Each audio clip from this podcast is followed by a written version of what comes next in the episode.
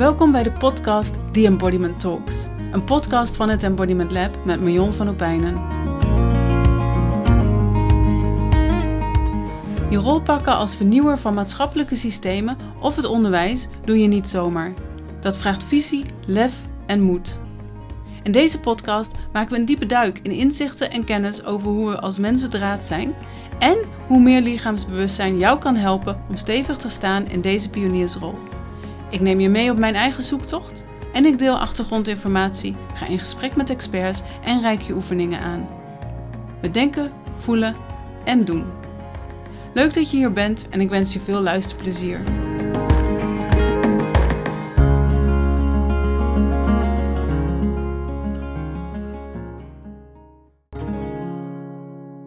Leuk dat je luistert naar alweer de vierde aflevering van The Embodiment Talks. En dit is ook de laatste aflevering op dit moment waar ik een beetje de context in probeer neer te zetten, waar de embodiment talks over gaan. Ze hebben het al, nou ja, we hebben het gehad over wie er nou eigenlijk tegen je praat in het interview. En um, ik heb een podcast gemaakt over waar embodiment nou eigenlijk over gaat. En in deze podcast ga ik wat dieper duiken in waarom embodiment in, vanuit mijn perspectief nou zo belangrijk is bij die maatschappelijke systeemverandering. Dus ik ga wat meer context, context zetten om uh, waarom ik beide werelden eigenlijk bij elkaar wil brengen. Dus de wereld van de embodiment en de wereld van de uh, maatschappelijke systeemverandering. En dat ga ik doen door wat dieper in te gaan op systemen. En wat is een systeem nou eigenlijk? En, um, en daarnaast dus inderdaad die, uh, die combinatie te gaan, gaan maken. Maar zoals altijd, allereerst mijn pareltje van de week. En um, ik, uh, afgelopen weekend liep ik in het bos. En het is natuurlijk prachtig herfst nu, dus ja, ik weet natuurlijk niet wanneer je dit luistert. Maar in ieder geval, ik neem dit op in, in november. 2021. En het is, het is prachtig buiten. De bomen zijn, zijn rood van de herfst. En het is heerlijk wandelen in het bos en lekker met mijn voeten te struinen door de afgevallen, afgevallen bladeren. Nou, en we liepen ergens in het bos en daar waren heel veel omgevallen bomen. En wat ons opviel was dat die bomen relatief kleine, klein wortelstelsel had. En het is een heel vochtig gebied. En uh, dus die bomen hoeven eigenlijk helemaal niet zo hard te werken om bij het grondwater te kunnen. Dus die kunnen eigenlijk af met veel minder grote wortels. En, dat maakt het leven makkelijk. Maar doordat we heel veel omgevallen bomen zagen met dus inderdaad relatief kleine wortelstelsels, laat het ook zien hoe kwetsbaar het eigenlijk maakt. Dus dat, um, ja, wat ik daar dan in, in, in zag was de, dat het, de moeilijkheid van het leven. Ja, het klinkt zo heel erg zwaar. Van, ah, het leven is zo moeilijk, maar het leven is natuurlijk gewoon wat het is. Maar dat de uitdagingen die we tegenkomen in het leven, dat die ons ook sterk maken en weerbaar en, en veerkrachtig. Dus dat de bomen met een groot wortelstelsel eigenlijk beter blijven staan. Um, uh, en dus beter bestand zijn tegen, tegen af en toe een uh, goede windvlaag. En dat, uh, en dat geldt voor ons natuurlijk ook. Dat, dat, dat we de noodzaak hebben om af en toe een tegenslag te hebben. En dat het ons eigenlijk veerkrachtig en, en stevig maakt. Dus ik vond die bomen daar zo'n mooi, mooi voorbeeld in. En nou, wie weet dat jij hier ook. Um, um, ja, dat dit voor jou ook een interessante metafoor is als er als het eventjes tegen zit, als het even niet zo, niet zo lekker loopt. En dat brengt me ook um, als een bruggetje naar het, het, het, onderwerp waar we het vandaag over gaan hebben. Namelijk over ja, embodiment in, in maatschappelijke systeemverandering. En dan om eerst eens wat dieper te kijken van... hé, hey, maar waar gaat nou eigenlijk systeemverandering over? Of wat is, een, wat is een systeem?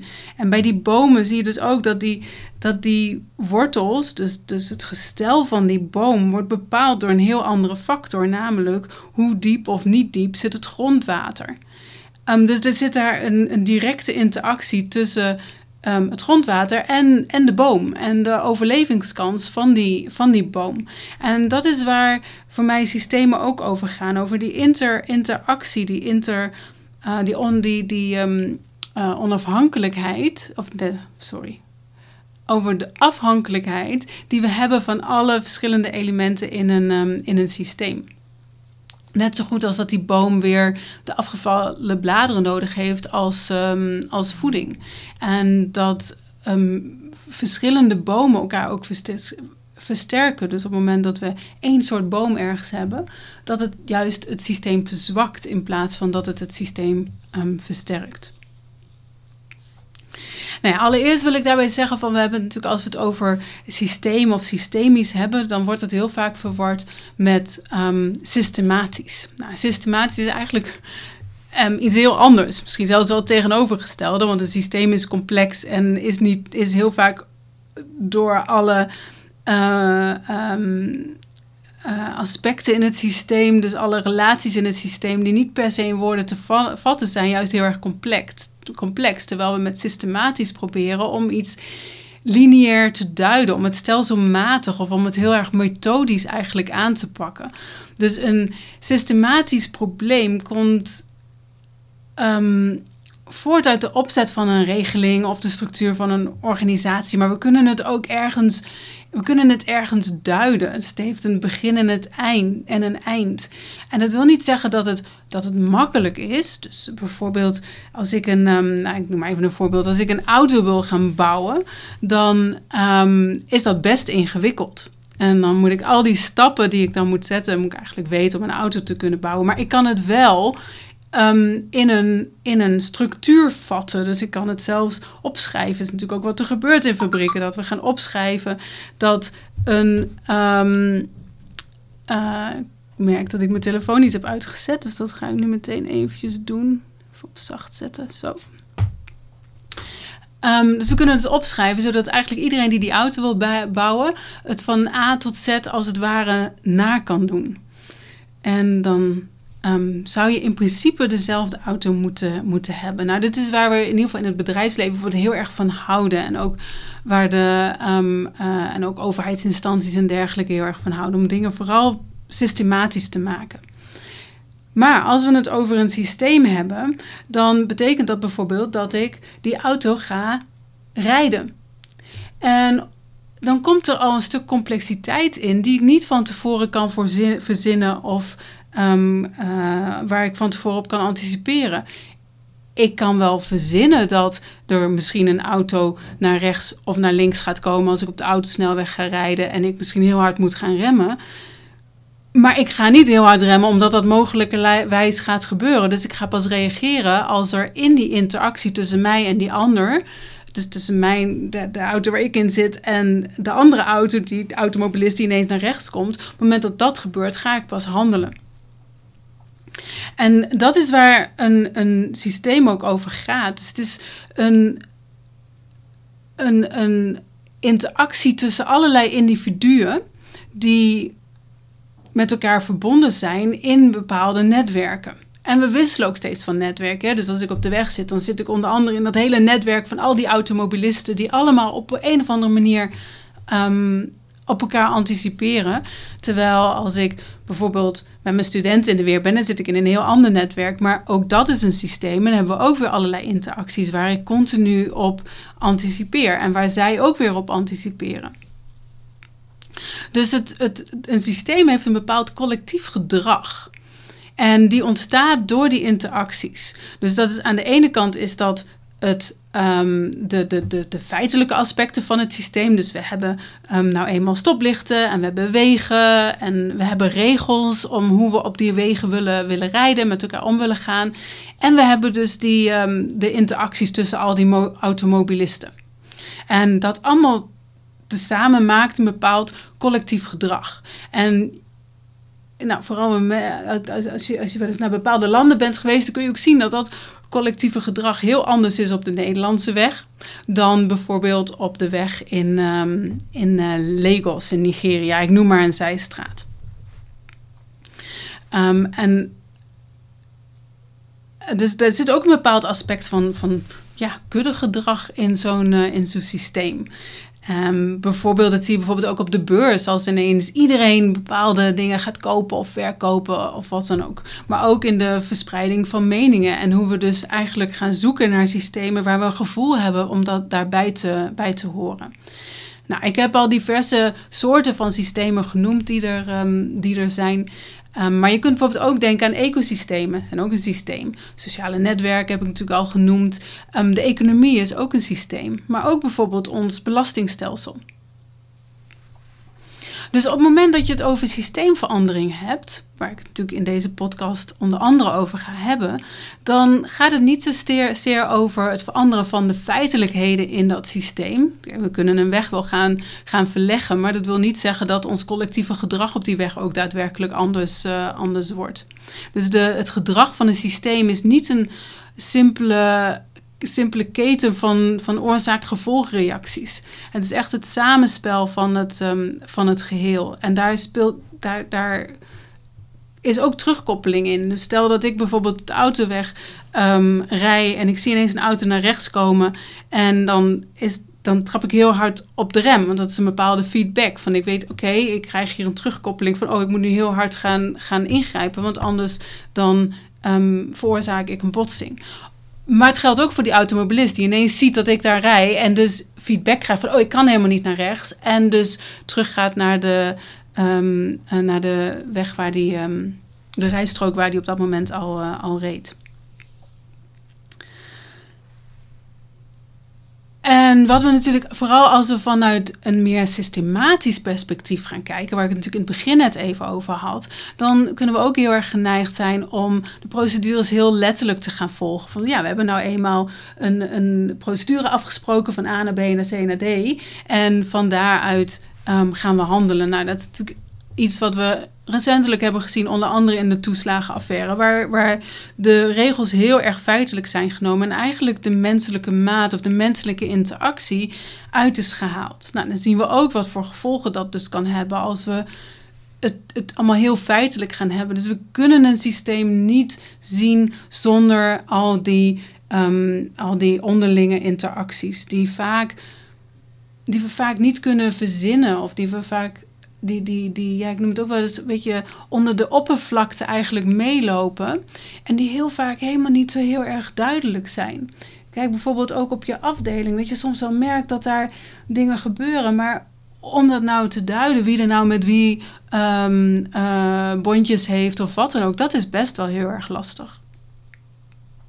Nou, dan nog een aspect met een systeem waar wat ik heel veel zie, is dat we soms geneigd zijn om te gaan wijzen naar de ander of naar het systeem. Daar, daar, dat systeem dat deugt niet en daarom um, uh, zit ik nu in waar ik in zit.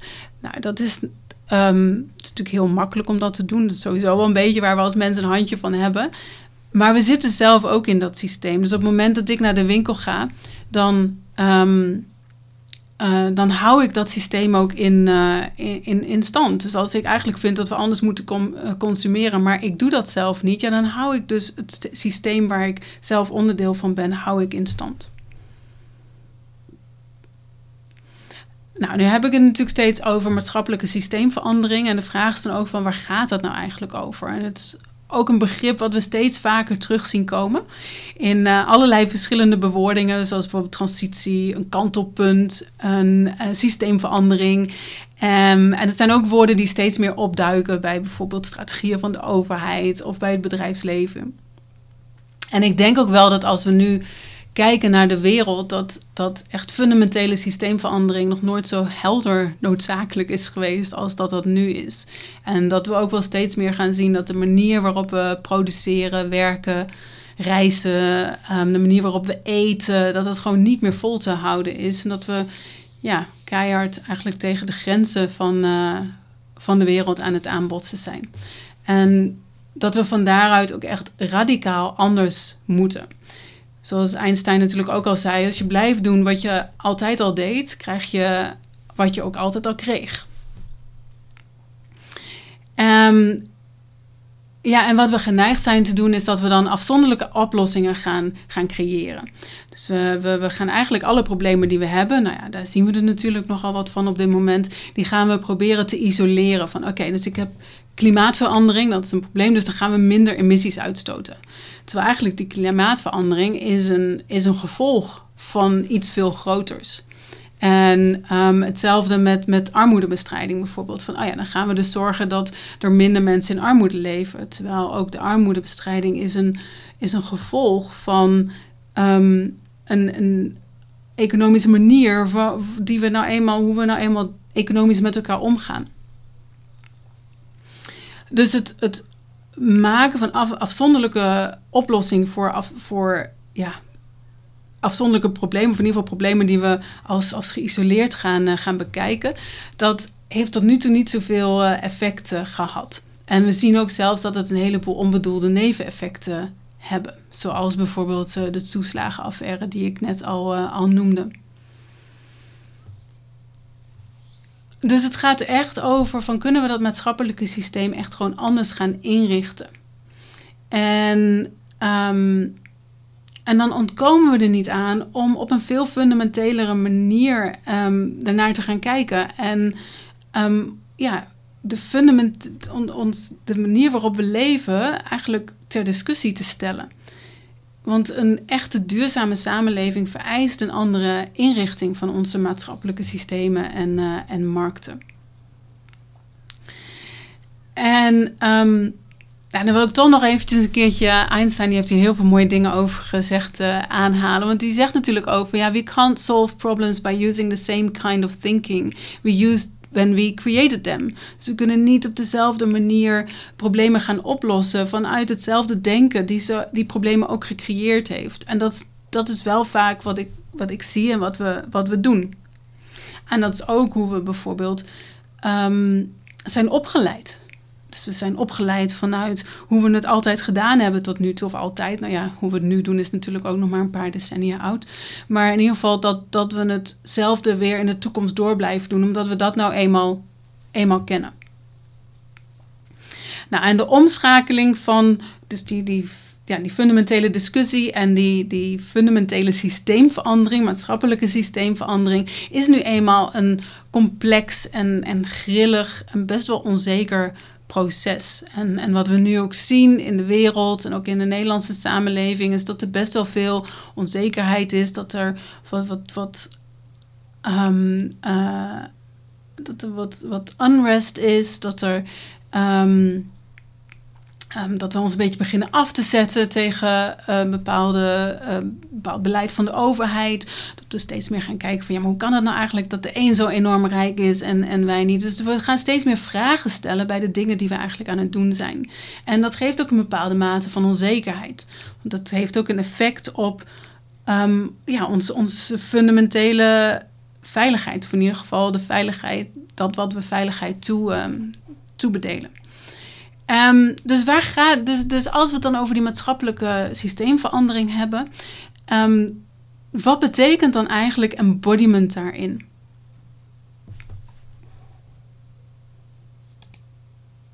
Maar eerst wil ik wel even terughalen naar wat ik in de vorige podcast heb gezegd over embodiment, heel kort eventjes. En um, nou, daar, daarin heb ik natuurlijk genoemd dat, dat onze, ons lijf ja, dat huist onze geschiedenis. En dat is niet alleen onze persoonlijke geschiedenis, maar ook onze culturele geschiedenis, het systeem waar we in leven. Dus alles heeft een bepaalde impact op ons.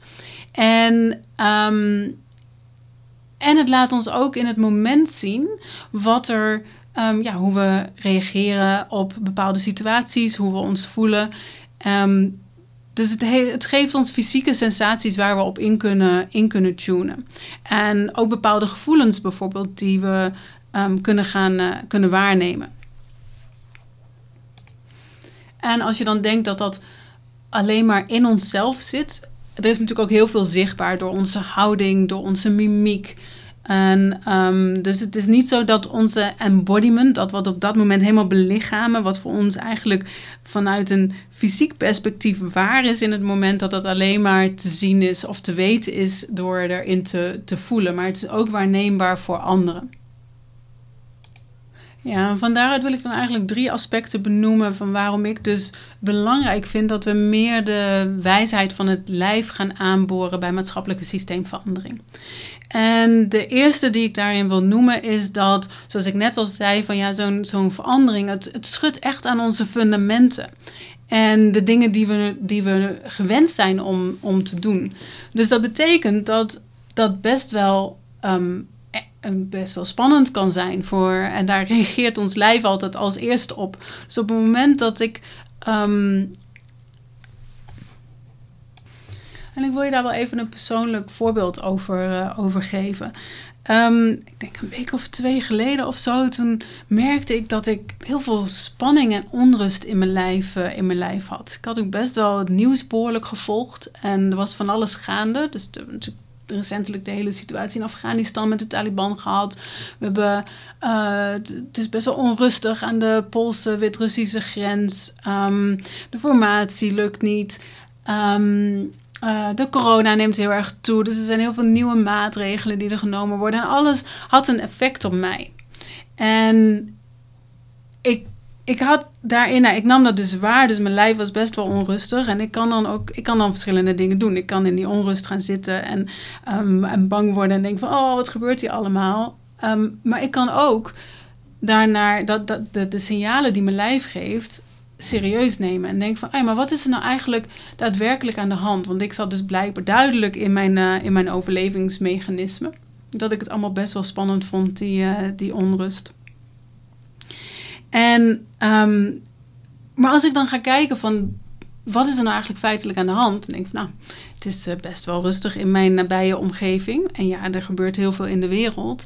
Maar um, wat, wat, wat raakt mij nou eigenlijk echt? Dus het, het, het hielp mij om wat meer afstand te nemen van alles wat er gaande is in de wereld. En doordat ik het veel kleiner en dichter bij mezelf kon halen van wat er nou daadwerkelijk voor mij op dat moment binnen ja, mijn invloedssfeer ligt, merkte ik eigenlijk al best wel snel dat dat me een bepaalde rust gaf. Um, dus allereerst is daar het signaal van mijn lijf, een hele primaire reactie van wow, dit is allemaal best wel heftig wat er allemaal gebeurt. Um, maar doordat ik dat voel en merk, kan ik daar dus op inspelen en mezelf um, weer wat meer rust, uh, rust geven. Dus meer lichaamsbewustzijn helpt ons dus om ja, meer in het moment te zijn en te kijken van wat is er nou eigenlijk daadwerkelijk, wat, wat is er daadwerkelijk waar in het moment en waar heb ik een, een, een reactie op. En daar hebben we allemaal mee te maken. En die overlevingsmechanismen die, die, die uiten zich allemaal op verschillende manieren. Ik kan heel hard gaan schoppen tegen wat er gaande is en het, uh, en het uh, systeem wat er is. En dat helemaal um, niet goed vinden en dat moet anders. En, um, dus ik kan daar best wel um, wat, wat, wat kracht achter, achter zetten. ik kan me ook helemaal, helemaal terug gaan trekken en denken van nou, ik weet het allemaal niet hoor. Het zal mijn tijd wel duren. En... Um, uh, laat hun het maar lekker uitzoeken. Maar dat geeft ook een bepaalde passiviteit. En we hebben hier allemaal mee te maken op de een of andere manier. En dus meer, ja, meer lichaamsbewustzijn helpt ons dus om daar meer helderheid op te krijgen. En ook te kunnen kiezen om vanuit een ander, um, vanuit een ander mechanisme te gaan, gaan reageren. Als ik heel hard tegen een systeem aanschop bijvoorbeeld dan kan ik ook eens kijken van wat wordt er nou eigenlijk zo in mij geraakt, waardoor ik zo hard ga lopen schoppen. Wil niet zeggen dat het systeem oké is, maar het geeft je wel de mogelijkheid op een, om op een wat meer um, uh, uh, communicatieve manier te kunnen reageren op dat wat je eigenlijk wil, uh, wil zeggen. En als, um, als, als pionier in, in systeemverandering heb je natuurlijk zowel ook te maken met je eigen overlevingsmechanisme daarin, als ook met het overlevingsmechanisme van de ander. En dus meer lichaamsbewustzijn bij jezelf kun je daar beter op invoelen. Daar zal ik zo ook nog wel wat over zeggen. En ja, wat ik ook hoop met deze podcast is dat je meer begrip krijgt over hoe dat nou eigenlijk precies werkt in het lichaam, zodat je ook bepaalde tools krijgt om daar meer beter mee om te gaan. Nou, dat was dus het eerste aspect, dus de primaire reactie die we hebben op, uh, op chaos, want daar houdt ons systeem niet zo heel erg van. En de tweede, het tweede aspect waarom ik um, embodiment belangrijk vind in uh, maatschappelijke systeemverandering. Um, dat gaat erover dat meer lichaamsbewustzijn ons ook helpt om um, in te kunnen tunen op, op onze intuïtieve intelligentie. Het lijf is super intelligent en diep van binnen weten we eigenlijk heel snel of iets klopt of niet. bijvoorbeeld je hebt het wel, vast wel eens gemerkt dat als je in gesprek met iemand bent, dat je dan ziet van, ja, hij zegt dit nou wel, maar, maar klopt het ook wel? Weet je, kan ik wel daadwerkelijk ook voelen wat de ander eigenlijk zegt? Of um, lijkt het maar een beetje een verhaal en uh, ja, voelt het wat disconnected? Dus dat, zijn, dat is iets wat we, wat we weten, wat we voelen. En um, als we daar meer contact mee hebben, waar we dan dus ook op, um, op en mee kunnen, kunnen reageren. Het is hetzelfde als dat soms met mensen denken van, oh, ik ga maar een omweg rijden, want ja, dat, dat voelt beter. En dan gebeurt er vervolgens een ongeluk op de weg waar ze eigenlijk hadden willen rijden, bijvoorbeeld. Of, uh, nou ja, weet je, dus er zijn altijd wel van dat soort momenten waar er een bepaald weten is van binnen waar je naar kunt handelen of niet. En zo kunnen we ook vanuit de intuïtie, geeft dat informatie. En het is niet zo dat we alleen maar op onze intuïtie hoeven te varen. Um, want soms vraagt het gewoon ook dat we um, uh, doelgericht iets gaan doen, bijvoorbeeld. Ook als ik daar geen zin in heb of wat dan ook. Maar onze intuïtieve intelligentie geeft ons wel de gelegenheid om, um, om in te voelen. Als, het is eigenlijk een instrument wat we kunnen gebruiken um, om in te voelen van wat er wel en wat er niet klopt. En dat, dat vraagt om daarin in te kunnen voelen, vraagt dat ook van ons dat we meer contact hebben met ons, met ons lijf. We kunnen niet achter ons bureau gaan zitten verzinnen van, ah ja, dit klopt wel en dit klopt niet. En het derde aspect wat ik wilde noemen waarom embodiment voor mij belangrijk is bij maatschappelijk systeemverandering, is dat het, we zijn allemaal onderdeel van dat systeem. En, um, en dus kunnen we ook allemaal via onze intelligentie en via onze primaire reacties invoelen in dat, in dat systeem, als we daar dus inderdaad contact mee hebben. En ik ga er altijd van uit dat als ik, als ik in een, in een groep zit bijvoorbeeld en ik, ik voel fysieke reacties, dat ik dan niet de enige ben die dat merkt. En dat ik dat de aanname dat ik niet de enige ben maak, dus ook dat ik het kan inbrengen. Dus als ik bijvoorbeeld in een vergadering zit en ik merk op een gegeven moment dat ik een beetje, beetje blurry word in mijn, uh, in mijn uh, vizier en dat ik um, misschien dat ik wat spanning begin te voelen in mijn, um, in mijn, in mijn handen bijvoorbeeld, dat mijn handen als vuisten beginnen te worden denk van, oh, dat is interessante informatie.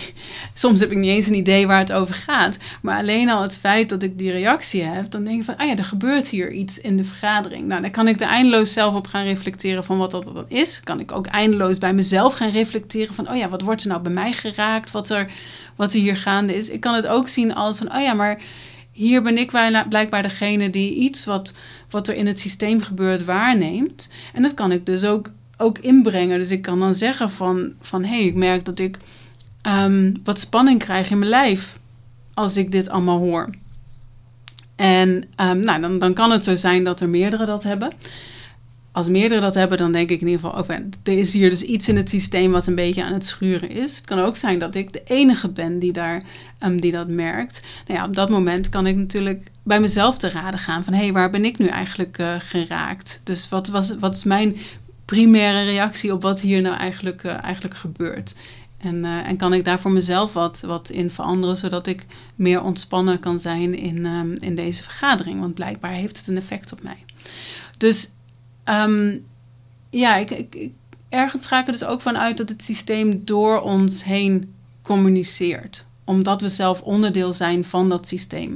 En dat vraagt dus ook dat we meer stilstaan bij onze lichaams uh, bewustzijn en, en beter kunnen invoelen van wat er eigenlijk in het lijf gebeurt. Nou, dat waren de drie aspecten die ik graag wilde, wilde noemen. Wat dat betreft, in de loop van de tijd zullen er nog veel meer andere aspecten ook naar boven, boven komen. En, um, en misschien dat je je ook wel afvraagt nu van ja, maar ja, het is allemaal leuk dat lichaamsbewustzijn, maar hoe werkt dat nou eigenlijk? Nou, ik ga in ieder geval in mijn volgende podcast wat dieper in op ehm, ja, hoe, hoe het lijf nou eigenlijk naar ons communiceert. Dus wat zijn er allerlei fysieke sensaties die je kunt voelen. Ook omdat we dat vocabulaire gewoon helemaal niet meer hebben geleerd. En uh, het zou bijna onderdeel van het, um, van het curriculum op een school uh, moeten zijn. Maar goed, dat is het niet. Dus vandaar dat ik een podcast ga wijden aan, uh, aan de wijze van communicatie. Nou, ik hoop dat je dit, uh, dit interessant vond. Dat, uh, dat het je ook wat handvatten vatten geeft om uh, bij jezelf eens na te gaan van... hé, hey, wat, voor, wat voor reacties merk ik nu eigenlijk zelf als ik in communicatie ben met een... als ik in gesprek ben met iemand anders... of als ik in een vergadering zit of wat dan ook. Dus om, ja, wees gewoon eens nieuwsgierig naar, naar dat soort reacties. En ook open, zonder oordeel. Het is gewoon wat er gebeurt en wat er is. En dat... Um, dat doen we allemaal op onze eigen unieke manier. Dus uh, heb er vooral geen oordeel over. Mocht je vragen hebben over deze aflevering, nou, dan neem vooral contact met me op. In de beschrijving staat ook mijn e-mail. En um, ja, laat me ook weten wat je, of je het leuk vond, of je er wat aan gehad hebt. En uh, vind ik altijd leuk om daar wat over, over terug te, te horen. Dus nou, dankjewel voor het luisteren en wie weet tot de volgende podcast.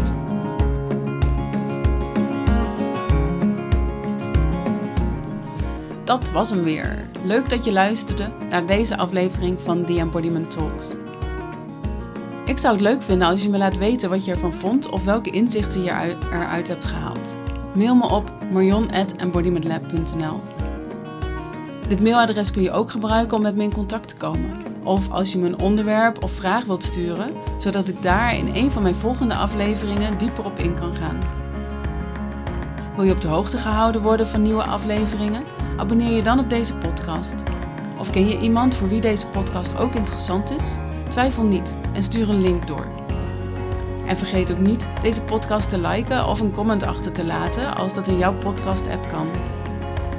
Meer informatie over mijn werk vind je op mijn website embodimentlab.nl. Korte filmpjes over relevante onderwerpen post ik op mijn YouTube-kanaal Embodiment Lab. Dankjewel voor het luisteren en graag tot een volgende keer.